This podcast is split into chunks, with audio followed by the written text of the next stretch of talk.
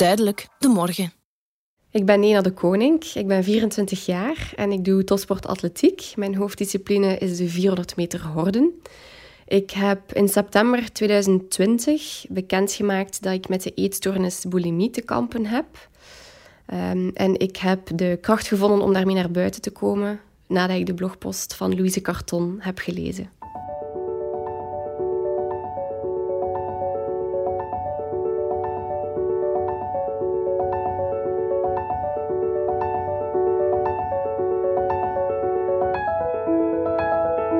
Gérard en ik. Louise Carton over eetstoornissen in de topsport. Een podcast van Dift Media en De Morgen. In opdracht van Sports DC.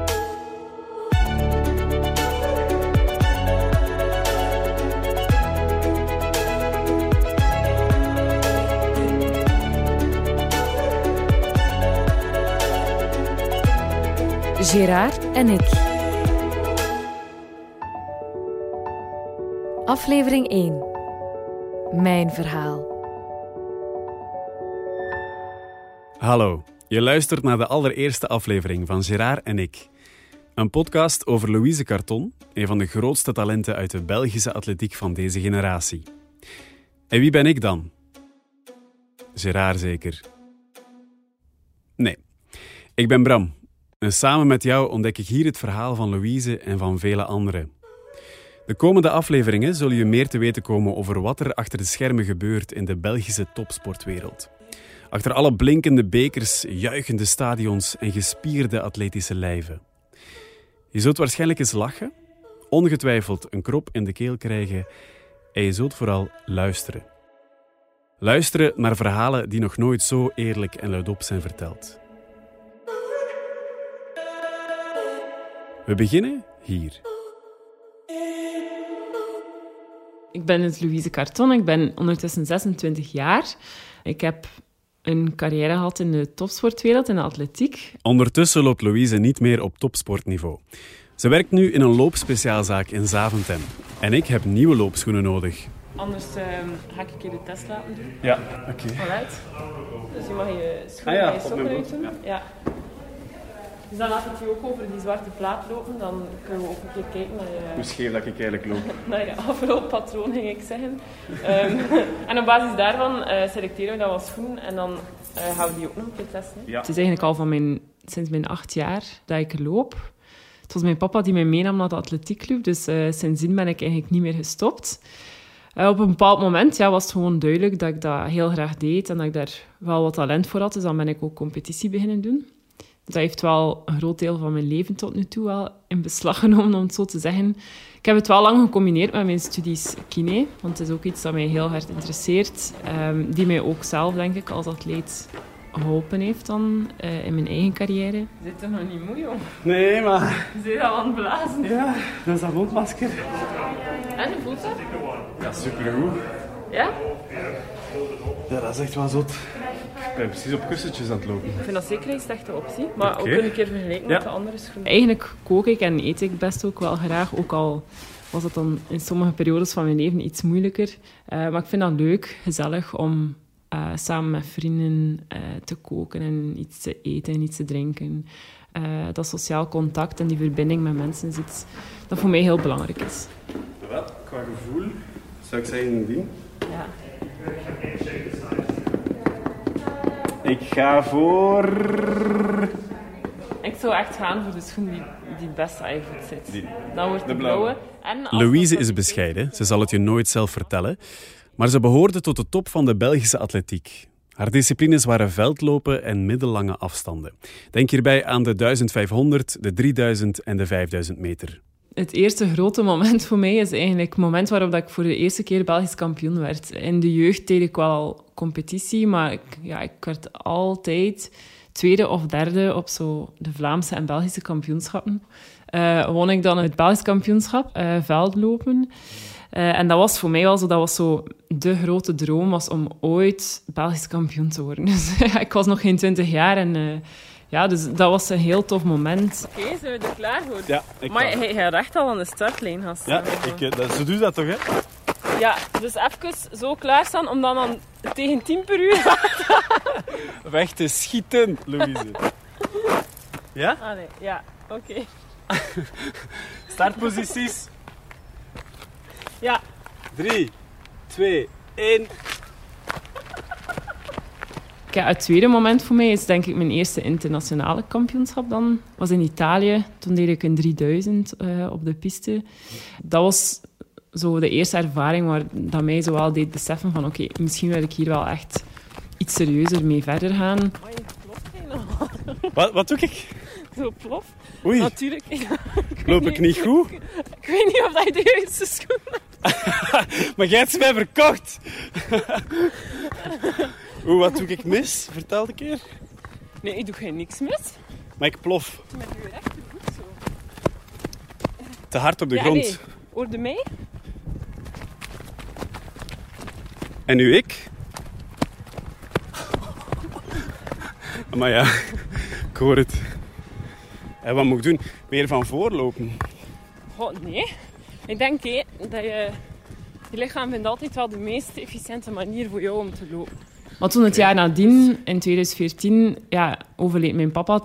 Dus ik heb toen ook geen competitie gedaan, maar ik heb toen wel... Ik heb, ja, ik heb mij volop op dat lopen gestort, want dat was, allee, dat was iets dat hij ook deed. Dat was een passie die wij deelden.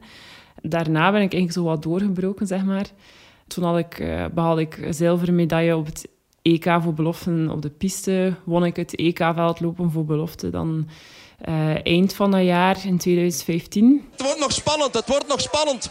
Maar ook Vastenburg kijkt achterom. Nog 50 meter voor Louise Carton. En ze haalt het. Louise Carton wordt Europees beloftekampioene. Dus ja, dat zijn, dat zijn zowel zeker die Europese titel. Dat gaat mij altijd bijblijven. Dat is eh, once in a lifetime, denk ik. Ehm, dus ja, daar, allee, daar ben ik eigenlijk best wel trots op. Drie keer Belgisch kampioen. Eén keer Europees kampioen.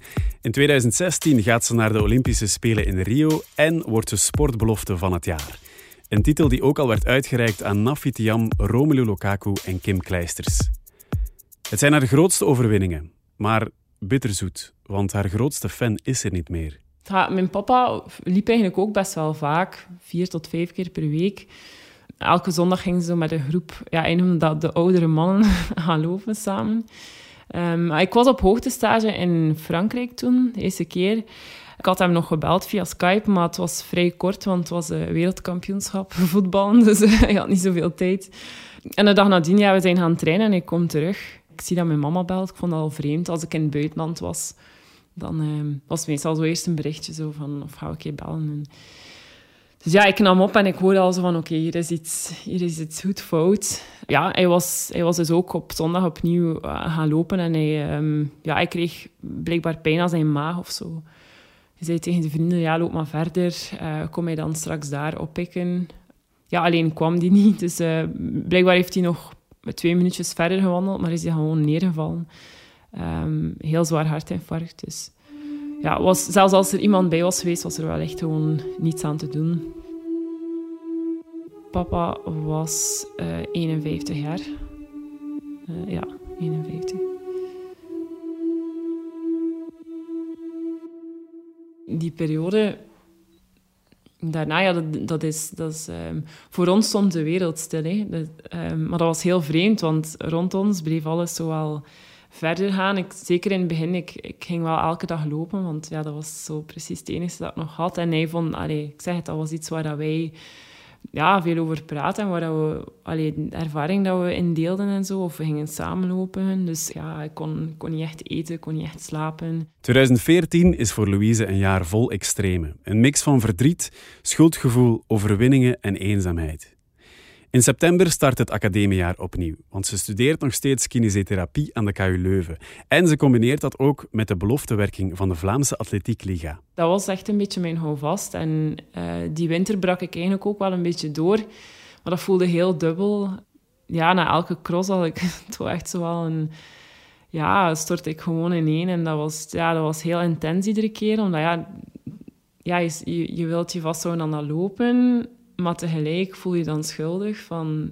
ja, hoe kan het hier dat ik hier loop te winnen terwijl dat hij er niet meer is? Dat was, ja, dat was eigenlijk best wel verschrikkelijk.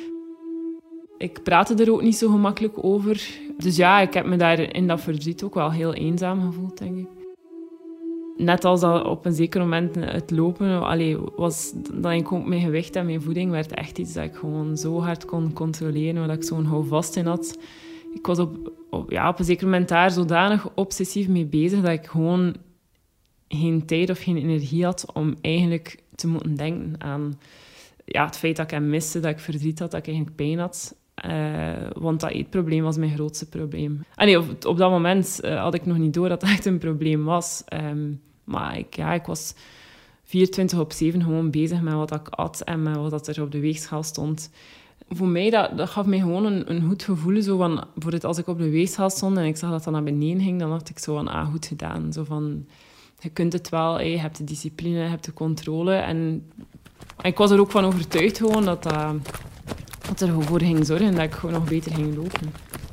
Wat vind jij zo zalig aan lopen eigenlijk? Oh, ik vind dan zo die grond onder mijn voeten zo. Zo bij elke stap. Zo dat contact. Oh, dat vind ik heerlijk. Maar is dat soms niet wat saai of zo? Ja, als ik vaak ook nog twee keer op een dag liep, was dat zo wel... Ik ging zo vaker al keer met muziek lopen. Zo. Maar als ik nu kan gaan lopen, is dat meestal ja, een beetje een uitlaatklep, zo na een werkdag of een moeilijke dag of zo. Of, allee, of om de dag te beginnen. Oh, zeker zo morgens vroeg, alles is nog fris. En dan gewoon voetjes op de grond. En gewoon. En gewoon. De dood van haar papa brengt alles in een stroomversnelling. Maar haar verstoorde relatie met eten ontstond al iets vroeger, in 2012. Goh, ik denk dat het zaadje al langer was geplant. Uh, zelfs al twee jaar daarvoor, toen ik in Leuven ging studeren, had ik daar mijn eerste vetmeting. Tot dan toe was ik nooit echt zo, allez, serieus met mijn voeding bezig geweest. Ik had, ik had hier thuis gewoon mee, denk dat we vrij normaal en gevarieerd aten. Um, maar dan kwam ik daar en dan ja, heb je zo'n vetmeting. Dan krijg je zo'n een, een, cijfer uh, erop geplakt. En dat was eigenlijk wel goed, maar ik kreeg gewoon de opmerking van... Kijk, als je richting de zomer toe wil toewerken naar een belangrijke wedstrijd, dan kan je maximum nog een kilo verliezen. Dan kan je tijdelijk ook iets lager gaan in vetpercentage. Hey, maar je moet dat heel langzaam doen. Um, mag allez, zeker een maand de tijd voor nemen om een kilo af te vallen. En, um, maar ja, bij mij is dat zo blijven hangen. En ik dacht van, oei, ja, ik moet nog een kilo afvallen. Dus ik ben eigenlijk te zwaar. Um, dus als ik eigenlijk nog beter wil lopen, dan moet ik misschien... Dus eh, plots begon ik mij vragen... Allee, begon ik echt een vraag te stellen van... Ja, wat deed ik eigenlijk? En is dat, is dat juist samengesteld? Is dat, is dat niet te veel? Is dat... Dus ja, ik ben van alles ook zelf beginnen uitproberen toen al. Um, maar het is, het is wel effectief zo dat het overlijden van mijn papa wel een, een grote trigger was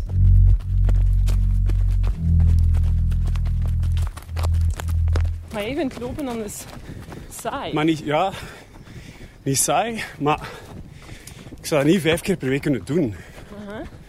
Je maakt zo te weinig mee. Vind ik. Ja, wel. En voor mij is dat gewoon de effect op mijn lichaam. Dat is echt zot. Allee, dat werkt enorm op mijn humeur ook. Ja. Als ik zo s morgens kan beginnen met een loopje, kan ik zo zeker al een halve dag verder. Gewoon zo die, ik weet niet, of die endorfines zeker. Waarom heeft het dan, was dat dan specifiek dat element voeding? Ja, ik, ja, ik bevond me ook wel in een topsportwereld, hè, waar dat er ook wel heel veel factoren zijn die, die ertoe bijdragen dat we ook met zoveel zijn die niet zo eens ontwikkelen. Hè. De, de enorme nadruk dat gelegd wordt natuurlijk ook op dat gewicht en vooral de link tussen je gewicht en je prestatieniveau. Er is ook een link, daar ga ik ook niet, niet, niet flauw over doen. Maar uh, ja, en ook hoe dat bepaalde dingen gecommuniceerd worden, bijvoorbeeld die vetmetingen en wat er allemaal rond voeding eigenlijk wordt verteld. Dus ja, dat is altijd een combinatie, denk ik, van, van verschillende factoren.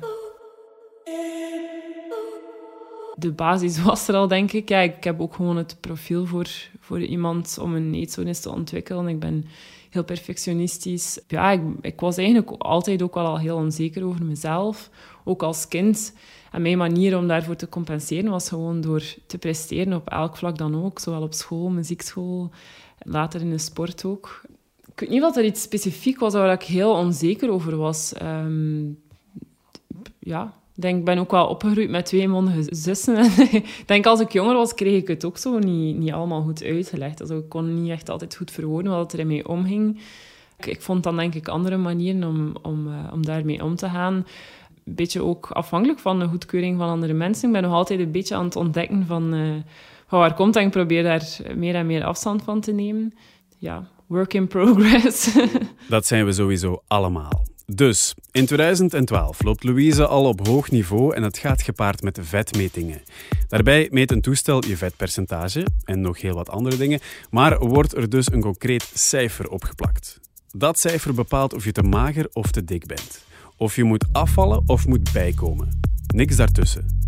Om ideale prestaties neer te zetten als topsporter natuurlijk. Het gaat hier niet over te mager of te dik qua uiterlijk. En misschien doet een sportdokter dan wel zijn best om dat te kaderen. Die nuance gaat vaak verloren in het hoofd van een tiener in de topsportwereld. In 2014 sterft haar papa plots en stort ze zich obsessief op lopen. Alles draait rond die sport. Alles om die gigantische berg emoties niet te moeten voelen. Louise focust vanaf nu enkel op wat ze wel nog kan controleren. Het is 2015. Op een zeker moment ben ik ook wel effectief beginnen samenwerken met een diëtiste. In 2015 was dat toen. Op basis van je vetmeting kunnen ze natuurlijk een, een geschikt voedingsschema opstellen. En, maar ik ben dan ook weer iemand die dat heel strikt volgt. Ik heb dat toen ook gedaan, met als resultaat dat ik effectief al heel veel vetmassa had omgezet in magere massa. Uh, mijn vetpercentage daalde toen heel fel. En ja, voor mij was een nieuwe standaard gezet, ga ik, ga ik zeggen. Maar ik woog ook alles af. Hè. Dus S'morgens had ik vaak havermout, dan was dat met de weegschaal erbij. Ja, het schema, dat is een richtlijn, dus dat is eigenlijk flexibel. Maar voor mij was dat niet zo. Ik was daar totaal niet flexibel mee. Dus ik wou dan enkel eten wat daarop stond. Dus als ik dan nog honger had, ja, dan, dat deed er niet toe, want het stond niet op mijn schema. Dus ik zeg, als, als, als mensen dan bijvoorbeeld vragen om mee een keer te gaan eten of zo, ja, dan op, voorhand al gaan kijken, wat kan ik daar eten? En als het ongezond is, ga je gewoon niet mee, zo, zo'n dingen. Maar dan op een zeker moment ook de bezorgdheid, zo van, hm, heb ik nu al genoeg gegeten? Want je wilt er zo de kantjes van aflopen. Maar ik besefte ook op een zeker moment van, zo voor zware training, als ik, als ik niet genoeg ben, dat, dan, dat ik dan tegen het einde van mijn training ook gewoon helemaal allee, niet meer die kwaliteit kon leven dat ik moest leven. Louise merkt dat ze haar schema heel letterlijk neemt en daardoor meer en meer begint te focussen op eten.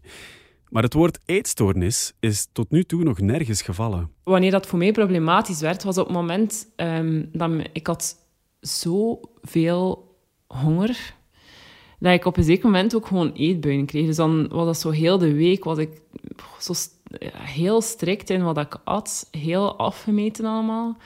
En dan in het weekend bijvoorbeeld kwam ik dan thuis en had ik eigenlijk heel normaal, maar wat dat voor mij op dat moment heel veel was. En zo ja, wist mijn familie natuurlijk ook niet dat dat probleem zo groot was. En dan, maar dan voelde ik me daar schuldig over en ging ik compenseren eigenlijk door in de week in Leuven. Ja, daar was ik alleen, dus kon ik doen wat ik, ja, wat ik wou. Maar op een zeker moment begon dat ook te ontsporen. Dat begon in Leuven ook te gebeuren, dat ik gewoon ja, veel in één keer at, omdat ik gewoon zoveel honger had. Maar ik compenseerde daar altijd voor, door de dag nadien minder te eten of maaltijden over te slaan of op een rustdag toch te gaan lopen. Allee, zulke dingen. Hè. En toen besefte ik wel van, oh, ja, dat gaat, dat gaat niet meer. Ook gewoon in mijn dagelijks leven. Ik had me sowieso al vrij hard teruggetrokken, omdat ik mij ook zo niet echt begrepen voelde in mijn verdriet bijvoorbeeld eh, over mijn papa maar voor de rest, eigenlijk, liet, eigenlijk, liet eigenlijk weinig, uh, weinig mensen toe. Ik liet weinig mensen dichtkomen. En ik probeerde dat zelf op te lossen, want ik dacht, oké, ja, doe gewoon normaal, eet gewoon normaal. Een beetje de reactie, denk ik, van mensen die zelf geen eetstoornis hebben.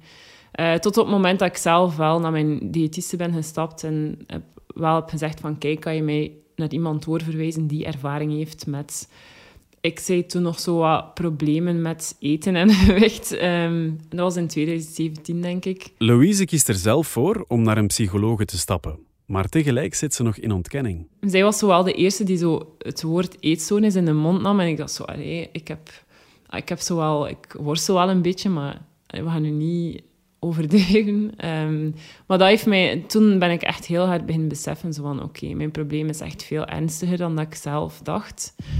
Um, ja, haar voorwaarde was ook dat ik ging bijkomen tot een bepaald gewicht. Dat was op dat moment totaal geen optie voor mij. Dus ik voelde... Ik besefte, ik heb een probleem. Maar ik was eigenlijk nog niet bereid om daar, om daar iets aan te doen, want... Want? Haar eetstoornis is eigenlijk haar beste vriend geworden. Ja, dat hielp mij gewoon enorm hard. Die eetstoornis, dat was dat, dat op dat moment nog meer voordelen voor mij dan nadelen. Ik vind dat heel gek, maar dat is iets dat ik nog maar een paar maanden geleden heb ontdekt. Van, dat was mijn houvast, dat was waar ik mij dagelijks mee bezig hield uiteindelijk ging dat eigenlijk van kwaad naar erger. Uh, mijn eetbuien werden extremer, mijn compensaties daarvoor werden extremer. Tot, tot wanneer ik volledig gecrashed ben in 2018, als ik op het EK was in Berlijn.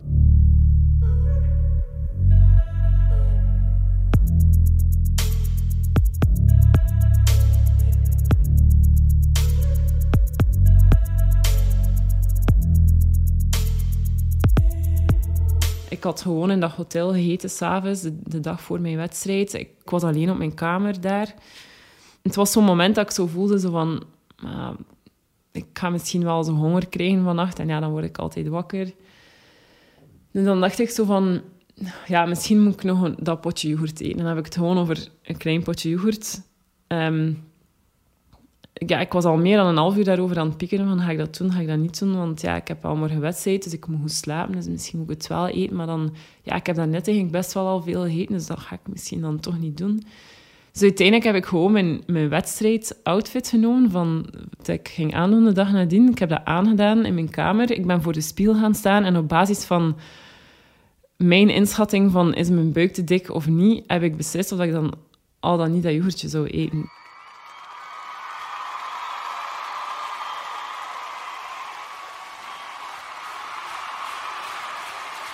Uiteindelijk was ik op dat EK, maar ik kon, kon geen vuist maken in die wedstrijd. Dan sta je daar met een vol stadion, waar dat veel mensen alleen maar kunnen van dromen. Maar ik, nee, dat was, uh, was heel raar. Ik voelde mij zo heel gelaten. Ik, uh, wist ook niet zo goed wat er gebeurd was. Ik, heb uiteindelijk zo die rondjes wel uitgelopen, maar niet... Ik, ik, kon, ik was zo op, ik was zo moe, um, zowel fysiek als mentaal. Toen ben ik echt uh, helemaal gebroken. Allee, toen was ik echt gebroken. Dat was...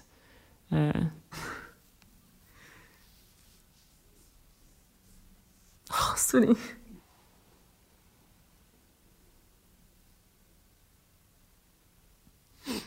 Ja, sorry, dat besef is zo... Dat is echt absurd. Wat ik mezelf heb aangedaan, jaren aan een stuk.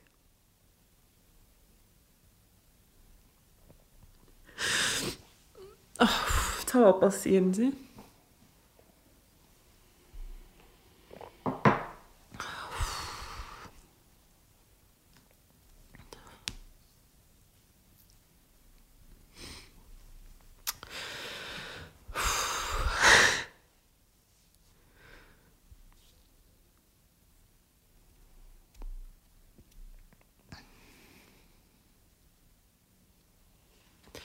Maar daar heb ik dus echt wel beseft van... Ik kan, ik kan gewoon zo niet meer verder. En ik zag toen mijn coach nadien... Ik had die ook zo nog nooit zo teleurgesteld gezien. Ik, allee, ik zag dat zo. Die zei niet veel. Dus ja, ik heb die nacht heb ik dan... Ehm, heb ik met hem daarover gesproken. Heb ik eigenlijk daar heel veel over verteld. Want er waren heel veel dingen dat hij niet wist. Hij wist niet dat ik op een halve banaan 20 kilometer ging gaan lopen en zo van die dingen. Ehm, en toen zei hij wel van, ja, oké, dan, dan moeten we al niet verder zoeken, dan, dan ligt het daarin. Want hij wist wel dat ik worstelde nee, met, met die aspecten. Ik heb dat met hem besproken. Ehm, maar hij wist niet dat dat zo extreem was. En ja, ik zeg, ik was er ook heel goed in geworden om dat te verbergen en, en, en mensen te misleiden daarin. We zitten op het Europees kampioenschap in Berlijn, begin augustus 2018. Dit is het punt waarop Louise beseft dat ze een eetstoornis heeft. Meer zelfs.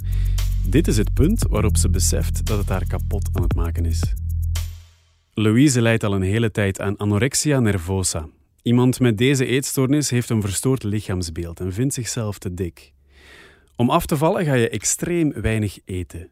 Een van de belangrijkste kenmerken van anorexia is ondergewicht. Dat wil zeggen dat je body mass index, je BMI, lager is dan 18,5. Na jaren van anorexia verzwakt je lichaam enorm en in 5 tot 10 procent van de gevallen overleef je het niet. Ik wist rationeel wel van allee, dat is gezond, dat is niet gezond voor mezelf om, om dat gedrag te vertonen, dan niet. Na verloop van tijd is Louise ook tekenen van bulimie beginnen vertonen. Dat is ook een eetstoornis, je vindt jezelf dus ook te dik. Maar hier ligt de focus op extreme eetbuien en het compenseren daarvan. Een eetbui is een soort roes. Een moment waarop je alle controle verliest en je volpropt met een, voor jou, grote hoeveelheid eten. Het is een reactie van je lichaam. Als het te lang onder voet is, wekt het een eetbui op en zet het je verstand even uit. Je schakelt over op je overlevingsinstinct en hierdoor ga je op een bijna dierlijke manier eten naar binnen schrokken. Om te overleven dus. Vervolgens probeer je dat te compenseren via manieren om die calorieën terug uit je lichaam te krijgen. Dat kan zijn door braken, laxeermiddelen, extreem sporten of extreem diëten. Bulimie is moeilijker te spotten voor buitenstaanders, want de persoon heeft vaak een normaal gewicht. Ja, dat is veel informatie in één keer. Hè?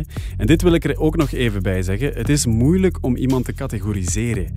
Het is perfect mogelijk dat iemand aan een mix van verschillende eetstoornissen lijdt.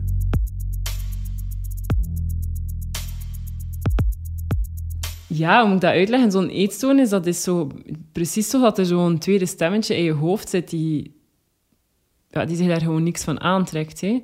Ehm, en het ding is dat je als je daar zo in vastzit, ben je daar totaal niet bewust van dat dat stemmetje dat eigenlijk overneemt. Dus ja, een hulpmiddel ook om, om, om je daar bewuster van te worden, is eigenlijk ja, het gemakkelijke is gewoon om dat stemmetje een naam te geven. Dus ja, allee, ik wou dat gewoon een mannelijke naam geven. Allee, dat is niet slecht bedoeld naar de man toe, maar dat lijkt me gemakkelijker dan een vrouwelijke naam. Ja, en dan, dan is het uiteindelijk Gerard geworden. En zo maakt ze kennis met Gerard. Gerard was er eigenlijk al zes jaar, maar nu kan ze er niet meer omheen. Hij krijgt een naam en Louise beseft dat ze hem al die tijd met zich mee heeft gedragen. Alles van de voorbije zes jaar flitst voor haar ogen. En er is één vraag die door haar hoofd blijft razen. Hoe ben ik hier op dit punt geraakt? Ik kan voor niet zeggen, oké, sindsdien heb ik een eetstoornis. Dat komt zo geleidelijk. Hè. Op een zeker moment besefte ik wel zo van... Ja, oké, ik ben wel vrij hard met mijn voeding bezig. Um, besefte ik ook wel, oké, dat, is, dat is wel vrij obsessief. Maar ik zag dan in mijn omgeving ook wel best veel atleten die er op dezelfde manier mee omgingen. Dus oké, ja, je denkt dat is normaal. Um, we zijn er als atleten veel mee bezig. Um, ook medisch. Ja, ik had voor het al een hele tijd mijn maandson niet meer. Maar ja, dat begint met een jaar, dan twee jaar, dan drie jaar. Dat dat gewoon volledig wegblijft. Ja, dan stel je wel de vraag van... Is dat nog oké? Dus ja, natuurlijk stond ik daar wel bij stil ja, dus de sportarts trok ook niet aan de alarmbel. Dus ik dacht van op zich, wat, hij zei vooral als je botdensiteit eigenlijk goed blijft, als daar kijken ze dan vooral naar. En dat werd ook gemeten als een vetmeting die Met een DIXA-scan kan je ook botdensiteit bepalen. En die waarde bleef eigenlijk altijd goed. Dus, um, dus daar keken we eigenlijk naar. Hè. Mijn botten waren nog sterk genoeg. Dus eigenlijk was dat geen probleem. Allee, werd mij toen zo voorgesteld. Maar was dat wel zo?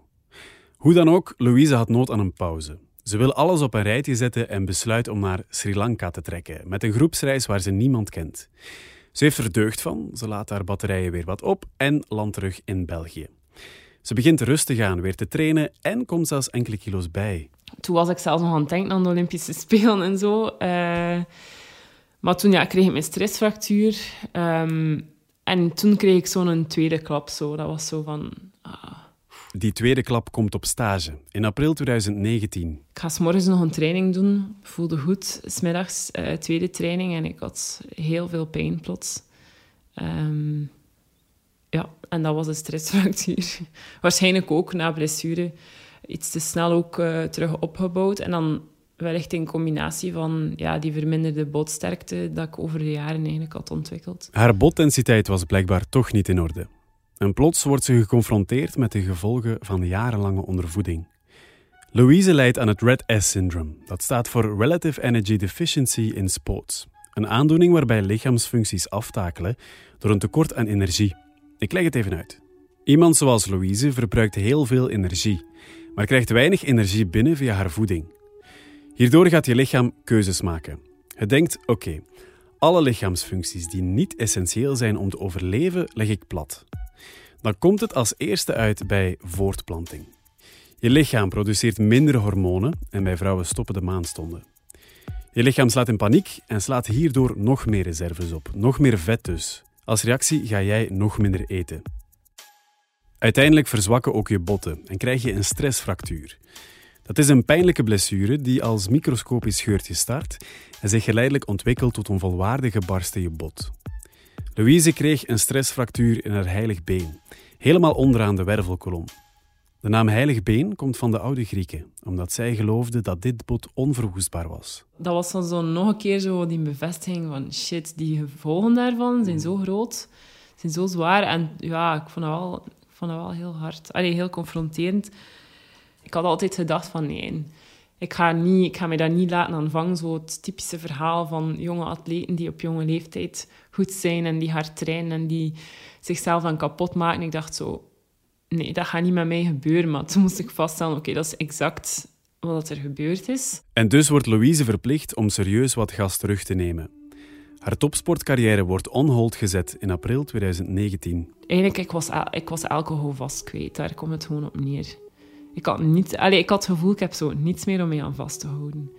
Zo voelde dat voor mij. Plus, um, heel angstig ook, omdat ik zo mezelf niet meer herkende. Zo in, ja, ook in dingen dat ik deed en zo.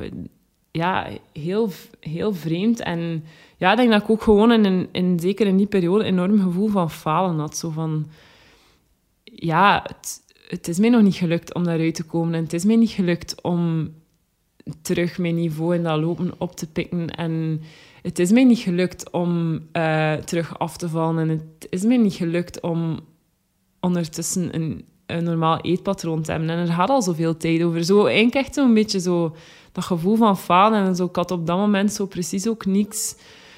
Ja, waar ik ook echt voldoening uit haalde. Ik was, ik was echt de weg kwijt. En ik denk eigenlijk dat het te maken heeft met het feit dat ik effectief begon in te zien en begon te mij heel bewust was van wat er allemaal gebeurd is. En zolang dat ik zo echt nog vast zat in die eetstoornis, is dat besef er zo niet echt. Je gaat, gaat gewoon door. Ik kon mezelf niet meer wijsmaken. Ah, maar je gaat je beter voelen als je, als je weer afvalt. Ah, je gaat je beter voelen als je weer competitie kon. Ik kon me dat zelf niet... Ik kon, ik kan mezelf dat niet meer wijsmaken. Toen was ik echt op. Het was helemaal op angstig dat dat niet beter zou worden. En dan heb ik dat gewoon eens een keer... Ik heb dat gewoon geschreven. Ik heb dat dan een week laten liggen. Um, en kwam, ja, kwam thuis van een, denk waarschijnlijk weer een alternatieve training of zo.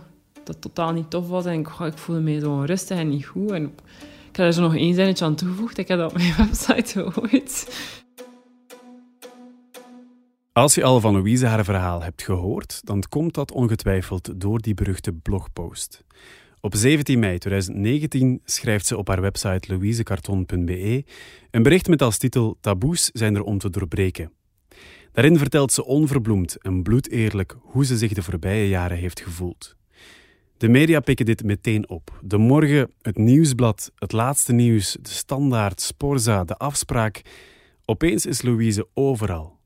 Ze krijgt positieve en aanmoedigende reacties van familie, van vrienden, van kennissen, onbekenden en vooral veel mede-atleten. En dan zou je denken dat dit het keerpunt is. Ze heeft haar geheim de wijde wereld ingegooid en er valt een enorme last van haar schouders. Dat klopt. Maar. Ik denk eigenlijk, voor mij het donkerste moment misschien, in mijn hoofd ook, dat de afgelopen jaren was. Ja.